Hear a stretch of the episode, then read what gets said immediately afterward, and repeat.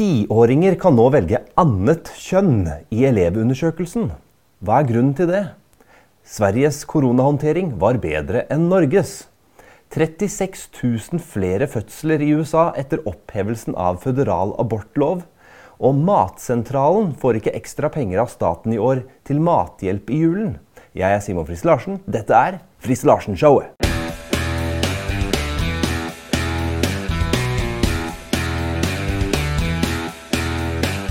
Da jeg gikk på skolen, så ble det ansett for å være mobbing dersom man betraktet noen for å være noe annet enn gutt eller jente. Og med rette, det var mobbing.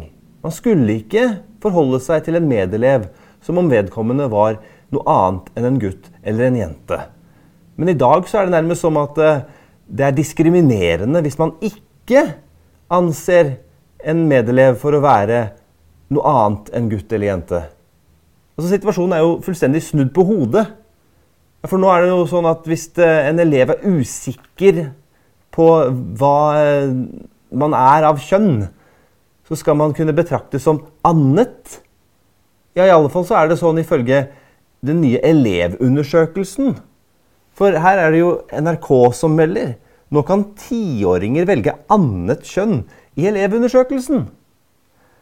For første gang kan skoleelever velge mellom gutt, jente og annet i skolemiljøundersøkelse. Skolen bør ikke formidle at man kan bestemme kjønnet selv, mener lærer. Og det er jo jeg fullstendig enig med den læreren i. Men altså, hva er dette for noe, da? Hvorfor skal man si at uh, man kan ha, være gutt eller jente eller annet? Ja, det skal vi jo se. For undersøkelser som handler om skolemiljø, er beregnet på elever fra femte trinn oppover og er obligatorisk for 7. trinn, 10. trinn og det første året på videregående. Nytt av året er at elevene kan velge kategorien 'annet' på spørsmål om kjønn. Fordi det har vært etterspurt. Ja, hvem er det som har etterspurt dette, da? De siste årene har det kommet mellom 30 og 50 henvendelser årlig.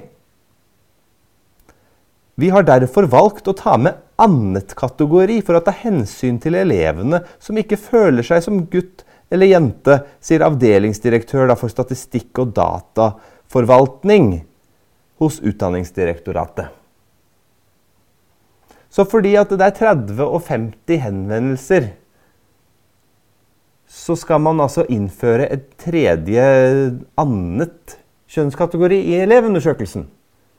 Altså, Av hvor mange titalls tusen barn er det dette gjelder? Og så innfører man dette fordi at det har vært etterspurt? Har, har foreldre etterspurt dette? Når ditt barn skal ta elevundersøkelsen, er det ditt ønske at det skal være gutt, jente, annet? Nå er det sånn at man kan velge å svare jente hvis man er gutt eller gutt hvis man er jente. Det er ingen som sjekker svarene på, på hva du svarer. Det er lov å lyve om eh, hva man ønsker å svare der. Men å innføre annet Etterspurt debatt er det en som sier her, da. Jeg stiller meg undrende til at vi, skal, vi som skole på denne måten formidler til barna at de kan være enten gutt, jente eller annet, sier da en lærer eh, så, som, som, da tar litt til motmæle til dette her. Og Det er jo kjempebra at lærere taler dette her Utdanningsdirektoratet litt imot. Og nå er det jo desember. Altså Snakk om dette her i juni. Da ville det vært noe helt annet. Da ville vel han her, eh, læreren her blitt hengt ut for å være i en eller annen form for fob eller et eller annet. Så liksom når du snakker om det, har liksom betydning for hvordan debatten skal være. Jeg er fullt klar over at noen mennesker omtaler seg som ikke-binære, men det beskriver kun en persons indre opplevelse. Det er viktig at skolens formidling ikke er basert på et kunnskapsgrunnlag som stammer fra enkeltmenneskers subjektive opplevelser. Og det er jo helt riktig. Altså, bravo til denne læreren som snakker sant. For det er jo akkurat det det er. Med tanke på at vi fortsatt bare har to juridiske kjønn i Norge, er dette temmelig kontroversielt. Der tar jeg litt grann eh, dissens i formuleringen her. Fordi det står fortsatt bare to juridiske skjønn. Altså Her skal man gi noe. Nemlig muligheten for at det kan komme en juridisk lovendring som innfører et tredje kjønn, og dermed så fungerer jo ikke argumentet lenger. Nei, det er bare to kjønn. Sånn er det bare. Det er ikke sånn at det fortsatt bare er. Nei, det vil alltid bare være det. Så det er viktig at eventuelle gode argumenter for denne avgjørelsen kommer frem. Altså hvorfor man har innført da annet på denne elevundersøkelsen. Eh, og det er jo da en fra Utdanningsdirektoratet her da, som sier at Eh, jeg møter flere elever hvert år som ikke trives med å måtte svare gutt eller jente. Eh, nei vel? Men om du ikke trives med å svare det ene eller det andre, så har jo ikke det noe å si for hvorvidt det er flere kjønn eller ikke. Ser ikke noe problem med å gi dem en boks de er komfortable med å krysse av i. Altså, annet Er det noe man skal føle seg bekvem med å krysse av i? Hvor mange er det ikke som bare på ren moro vil krysse av på annet.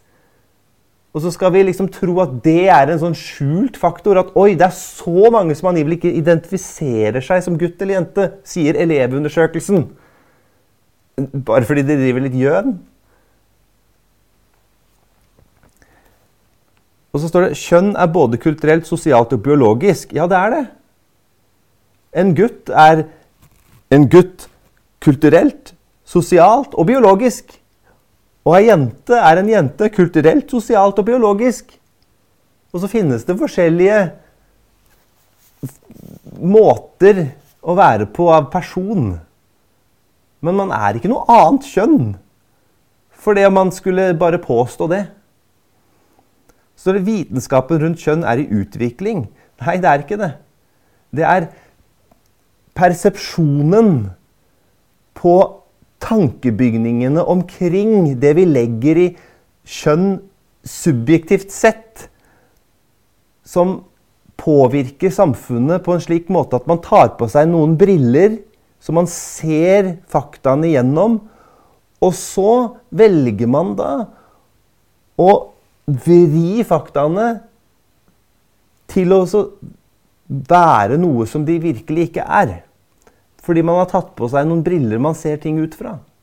Og Hvis noen andre da kommer og sier at men sånn er det ikke, da er jo de helt utenfor, selv om de har rett. Fordi de velger å ikke ha på seg de brillene.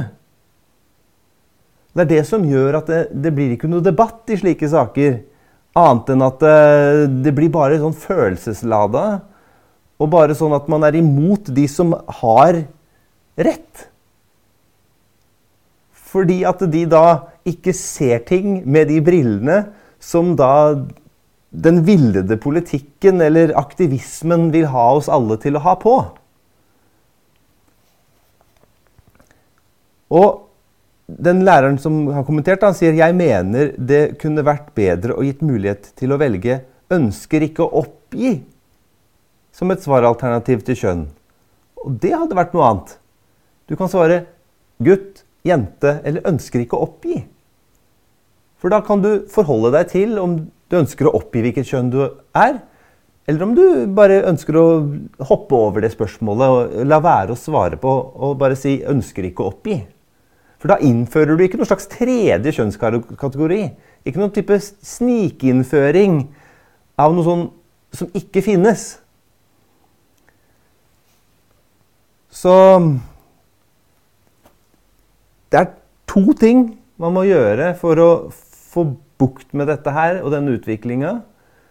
Det ene er jo det at eh, foreldre eh, snakker høyt og sier at vi ønsker ikke denne her eh, kjønnsideologien i klasserommene våre. Vi som foreldre, det er vi som har foreldreretten for barna våre. Det er vi som har myndigheten for å undervise dem. Og så delegerer vi den til skolen Og når vi da viser skolen den tillit at vi ønsker at barna våre skal få den beste undervisningen de kan få der, så må de jo få sann undervisning.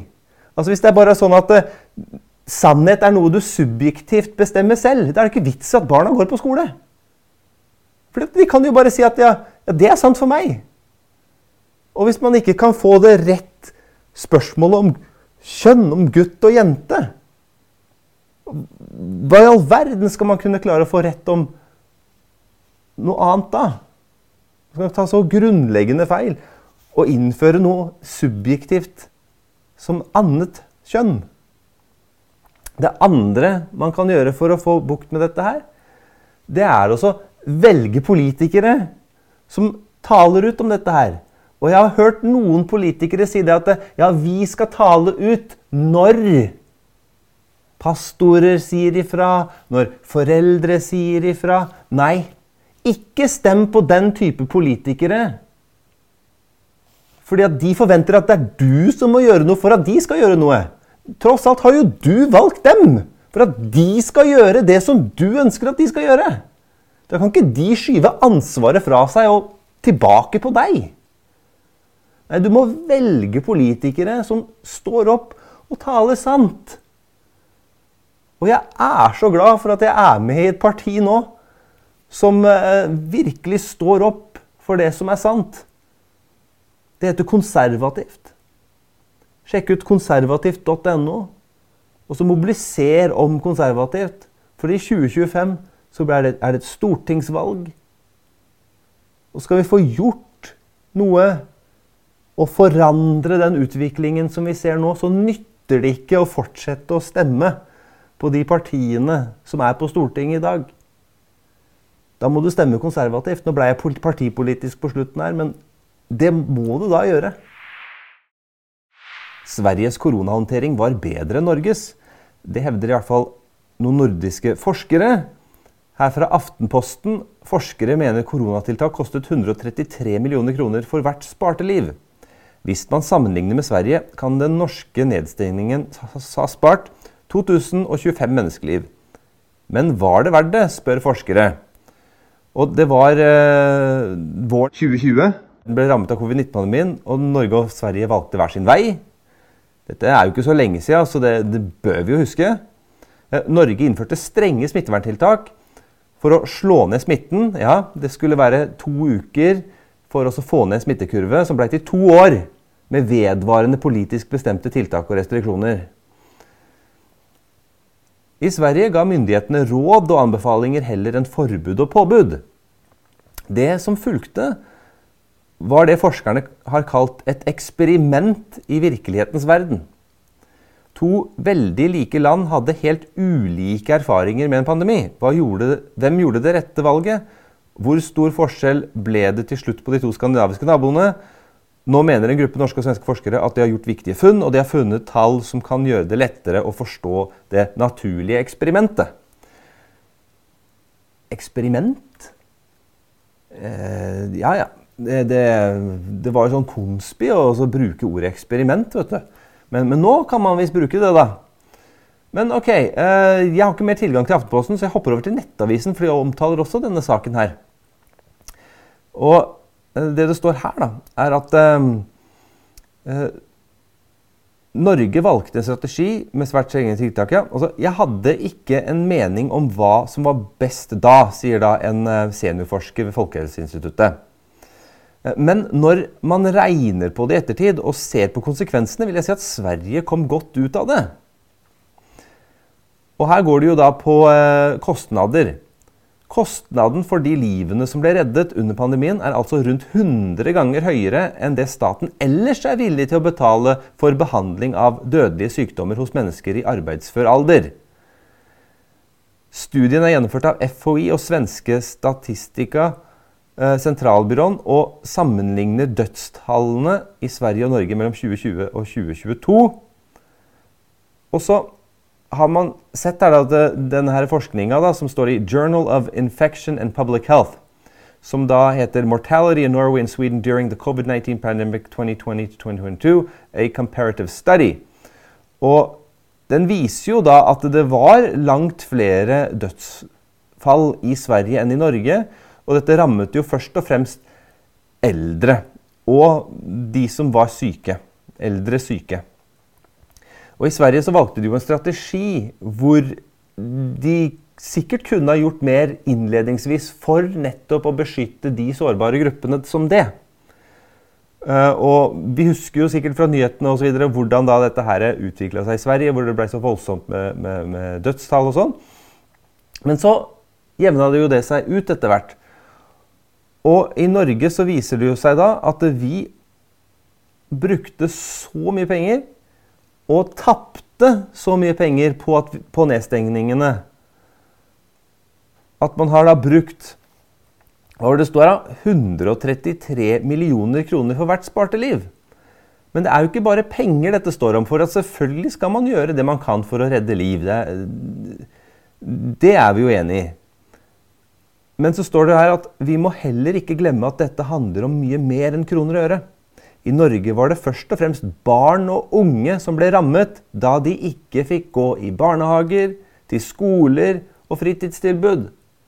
For ikke å snakke om det psykiske presset med all denne her, dette her presset på, på, sprøyter.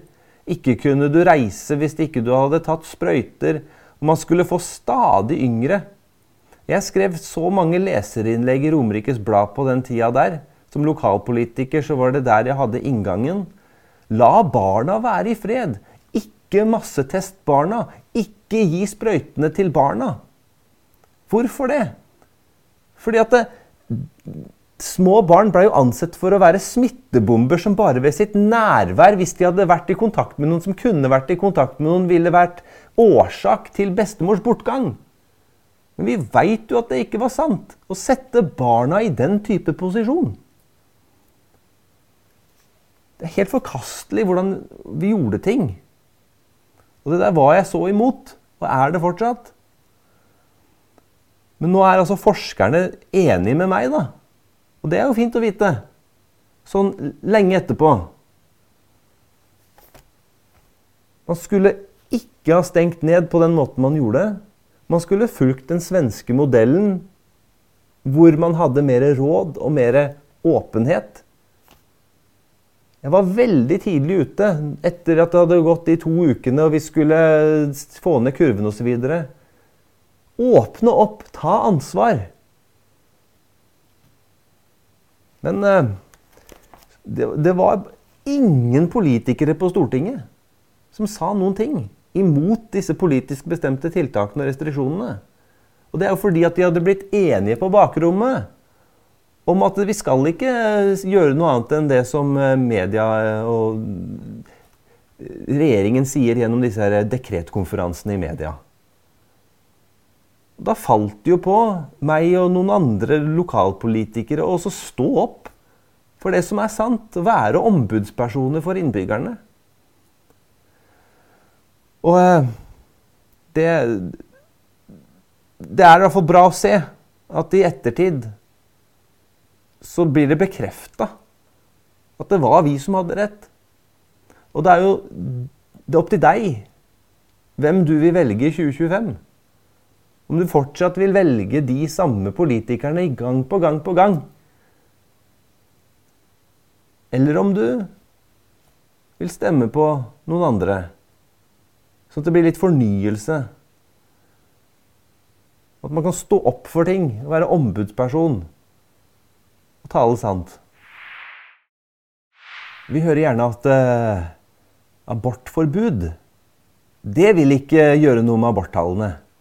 Det vil ikke gjøre at man eh, får flere barn. Nei, det vil bare føre til flere ulovlige aborter. Derfor så må vi jo være for abort, for hvis vi er imot abort, så eh, vil jo det bare medføre mer abort. Vel, uh, det er jo ikke fakta.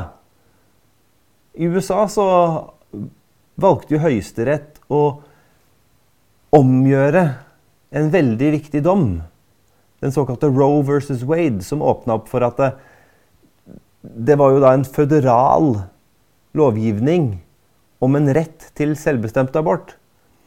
Men de omgjorde den, slik at det føderale myndighetsnivået ikke har noe med abortspørsmålet å gjøre.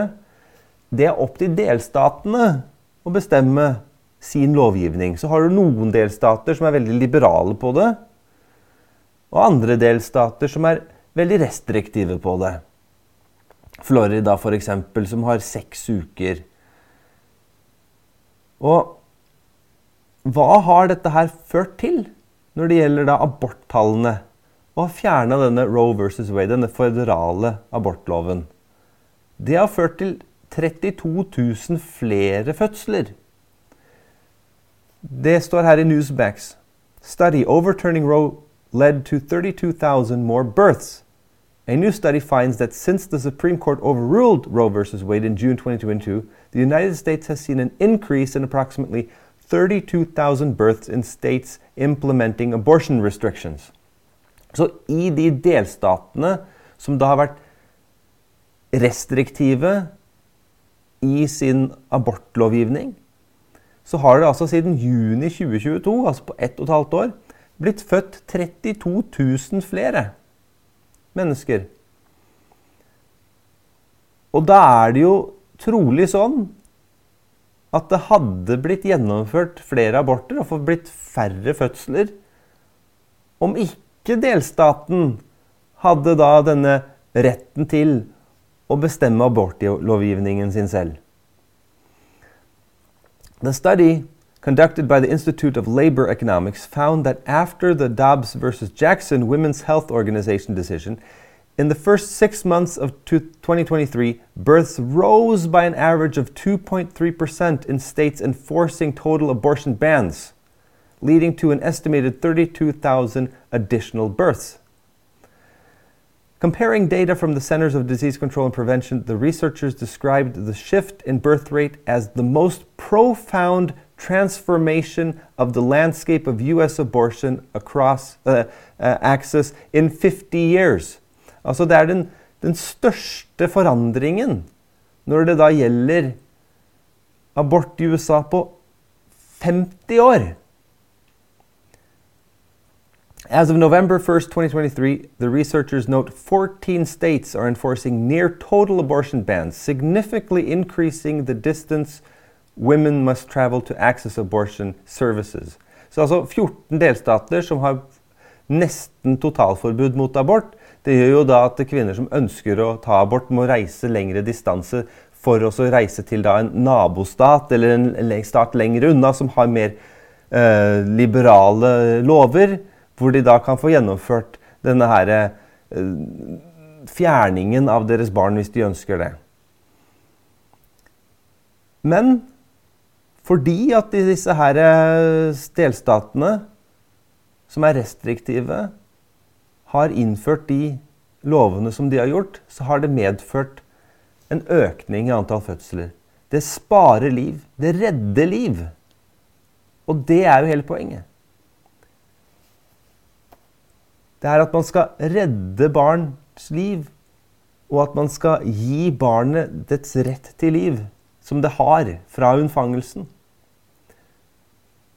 Vet du, et barn som blir til i mors mage Det er jo ikke sånn at det blir til i det egg og sæd smelter sammen, og, og, da blir det et barn. Altså, livet ja, da, da, blir jo på en måte babyen til, ja. Men livet starter ikke ved unnfangelsen. Det fortsetter ved unnfangelsen. For det er levende celler fra mann og fra kvinne som smelter sammen. Så det er, det er, liv hele veien. Og så fortsetter det til et nytt liv i mors liv, som da er et barn. Og her reddes det tusenvis, titusenvis av barn, og det fødes flere. Og er det noe vi trenger, så er det jo å få opp fødselsraten. Den vestlige sivilisasjonen er jo i ferd med å utrydde seg selv. Fordi at vi får jo barn senere, og vi får færre barn. Og det vi snakker om eldrebølge, det er jo en konsekvens av at vi ikke får opp vår egen fødselsrate. Da blir det flere eldre, og vi lever lengre, og bra er jo det. Men det blir jo færre yngre til å ta seg av de eldre. det er så bra at disse her statene har begynt å gjennomføre virkelig restriktiv abortpolitikk. According to the study, the most affected by the policy are poor. In 2020, approximately one in five pregnancies ended in abortion. Altså én av fem svangerskap endte i abort i 2020. At the time they seek abortion, 75 patients are low income, 59% have previously given birth, and 55% report a recent disruptive life event such as falling behind on the rent and, or losing a job. Ja. Så det, det, er klart det er krevende. Det er ikke bare bare å skulle liksom gjennomføre uh, og bære fram barn, men, men det finnes løsninger og alternativer, og vi må heie fram at vi får opp fødselsrate. Vi må ha en familiepolitikk. Det, det, er ikke gjort over natta å skulle bare innføre et abortforbud, og dermed så er alle problemer løst. Vi må også ha hjelpeapparatet, men det må vi jobbe fram parallelt. Så det er i hvert fall veldig bra å se at eh, abortforbud hjelper. Det gjør at det blir flere barn. Og det er sånn vi må ha det. På forskning.no kan vi lese at matkøene øker. Forskere peker på ny type fattigdom i Norge. Flere mottakere av mathjelp har jobb, og over halvparten er barnefamilier, viser undersøkelse. En ny type fattigdom vokser fram i Norge. Og man kan altså få en absolutt fattigdom. Altså ikke bare en fattigdom hvor man da eh, ikke har nok liksom, til, å, til, å, klare seg, men en fattigdom hvor du faktisk ikke har noe igjen. Jeg tror vi trenger å se på fattigdom som noe mer enn bare inntektsfattigdom. Nå har ikke inntektene i befolkningen generelt gått ned, men utgiftene har økt veldig. Og Det synes ikke i fattigdomsstatistikken. Vi trenger flere innganger til å forstå den norske fattigdommen, sier da en forsker her. Og hva skyldes den fattigdommen vi ser i dag? Det skyldes villet politikk som ikke har gitt de resultater som man har prøvd å jobbe etter. Man har trodd at dette grønne skiftet skulle lede til et mye bedre samfunn hvor man skulle ha grønne jobber, og at alt skulle bare gå så fint og flott og framover. Og så har det gjort det helt motsatte, som flere av oss har advart mot mange ganger. Det fører til fattigdom. Du får ikke opp verdiskapninga. Du skaper statsklienter folk som trenger hjelp hele tiden. Fordi at det, Verdiskapningen, det å kunne ha råd til å starte bedrift, går ikke. Det er altfor dyrt. Man blir skatta i hjel. Det, det som man ser med koronatiltak og restriksjoner og, og, nedleggelser av bedrifter under den tiden der, de kommer aldri på, på beina igjen. Man ser en fattigdom som brer om seg nå som bare øker. Samtidig som vi sender penger til krigsområder. Vi bruker penger på folk som vi skal hjelpe, som kommer hit. Mens egne innbyggere som har jobb, har ikke allikevel råd til mat. For det er økt strømpris, det er økt bensinpris, det er økt eh, matpris. Alt går opp. Renter som går opp. Inflasjonen bare skyter i været. Og da sier jo TV 2 her at Matsentralen fikk 5 millioner kroner i julegave fra regjeringa i fjor. Men i år så sier de, altså regjeringa nei til ekstra støtte i julen. Og sier at det er ikke nødvendig. Så Matsentralen som hjelper nødlidende. Og det blir stadig flere av dem. Og det er jo ikke bare folk som har lite fra før. Det man ser, er at det er stadig flere som har jobber, som likevel ikke har råd til mat. Og så skal altså da ministeren, landbruk- og matminister, si at eh, jeg mener primært at Matsentralens rolle skal være å begrense matsvinn, og årets bevilgning er på et høyt nivå, og vi ser ikke at en ekstra bevilgning i inneværende år vil være nødvendig for å hindre at mat kastes. Noen ganger lurer man på hvilken planet er det våre politikere lever på, når de har mista sånn gangsyn. Altså, middelklassefolk er nede på fattigdommen. Og så er det da folk på fiffen der som har de rette innganger og tilganger, og, og, og, og som har da de rette meninger innad i sine partier. Ja, de er liksom sånn Nei, det er ikke nødvendig, det. Hva er det vi har valgt dem for? Hvorfor velger vi dem om og igjen og om igjen og om igjen? Hvorfor kan vi ikke bare si at vet du hva, dette her vil vi ikke ha noe mer av? Nå velger vi noen andre. Og så blir det forandring. Jeg tror at mange politikere egentlig er glad for at folk gir opp håpet på at uh, man skal tenke politikk. Hvorfor det? Fordi at uh, da sikrer de jo sin egen makt videre, da jo. Fordi at uh, de som da stemmer på dem, de sikrer jo at de får videre innflytelse. Og da er de jo så greie. Å, ja, vi skal øke støtten neste gang, da. Kan du få litt. Istedenfor å skape verdier Gjøre at folk kan komme i gang med å bruke sine evner, få i gang økonomien. Slutte med dette grønne skiftet, som er et stort tapsprosjekt. Få opp den norske selvforsyningen med energi.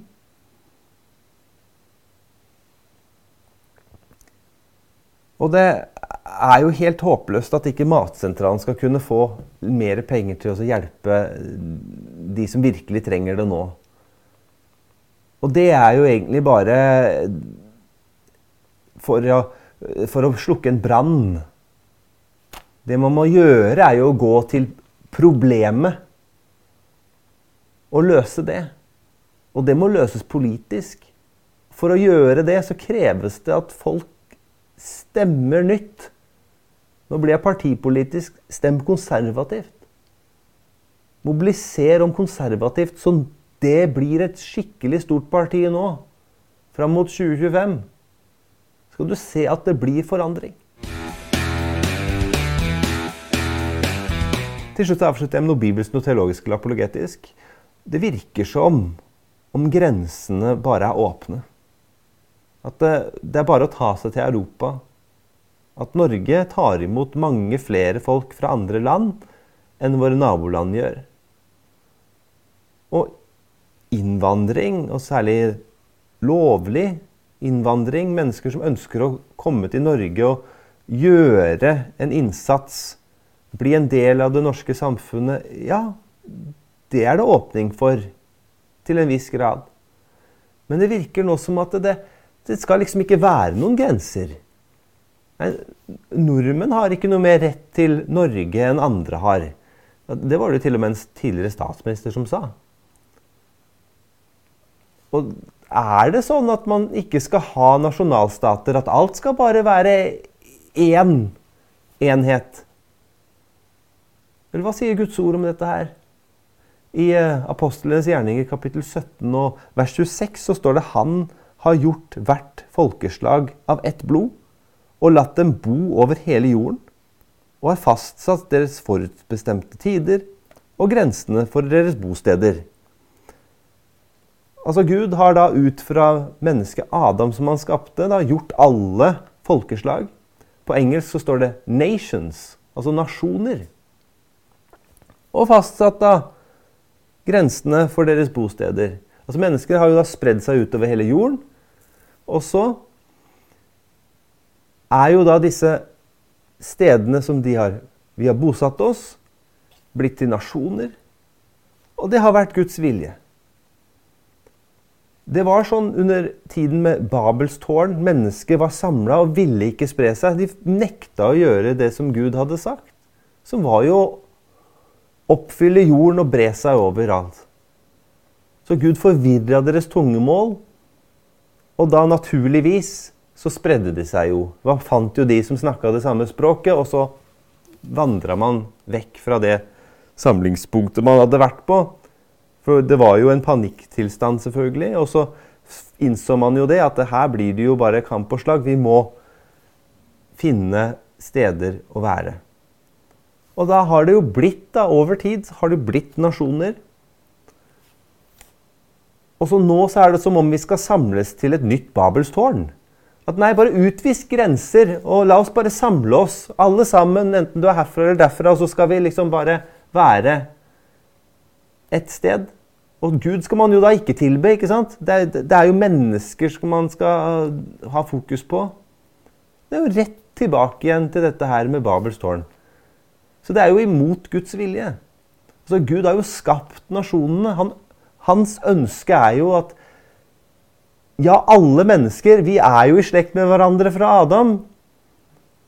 Men så er vi jo da også ulike nasjoner, og vi har ulike steder å bo. Og så ja, så er det fri flyt av varer og tjenester, og, og selvfølgelig skal man kunne ha innvandring og, og, slikt. Og bare så det er sagt, altså på uh, lista ved lokalvalget i Rælingen for partiet som jeg er med i, da, konservativt, så hadde vi folk fra tolv ulike nasjoner. Og det er jo kjempebra. For det er jo da mennesker som har funnet seg til rette i Norge, som ønsker å delta i det norske samfunnet. Og det er jo kjempebra. Men det vi ser stadig oftere, det er jo det at det, det skal tas sånn hensyn til folk som kommer til Europa, til Norge, som om det er hensynet til de minoritetene og deres måte å være på fra de stedene de kommer fra som skal være da det som teller mer enn de tradisjoner og kultur som vi har i vårt land. Og det livssyn som vi har bygget vår nasjon på, som er det kristne livssyn, som er den vestlige sivilisasjons suksesshistorie. Og derfor egentlig er grunnen til hvorfor mennesker søker seg hit. Men vi lar dem søke seg hit og ikke følge opp med da det kristne livssynet som vi bygger vårt land på. Som de kan ta del i det som de egentlig virkelig lengter etter. Men iallfall i henhold til Guds ord så er det meningen at det skal være nasjoner. Og det er det vi må også være veldig opptatt av. For denne globalismen vil ha oss alle inn i samme tankesett om at det angivelig ikke finnes nasjoner og alle skal være ett osv. Men det er en skummel tanke. Det medfører at det er noen som da har makten til å definere. Og så blir alle andre redde for å uttrykke seg for det de står for, og den de er. Og så skal man peke på andre som kommer til, som de som skal hensynstas, og så blir da en selv som har da norsk ett, til en slags stille majoritet i eget samfunn. Og den stille majoriteten må gjøre seg gjeldende. Ikke for å være imot noen, på ingen måte, men bare gjøre seg gjeldende og si det at eh, Hjertelig velkommen hvis du er her lovlig. Vi skal ta deg godt imot. Men her er vi, norske. Vi har vår tro. Vi har våre verdier. Vi har vår kultur. Vi har våre tradisjoner. Så kan du ha med deg ditt. Men velkommen til å bli med oss. Jeg er Simon Friis Larsen. Dette er Friis Larsen-showet.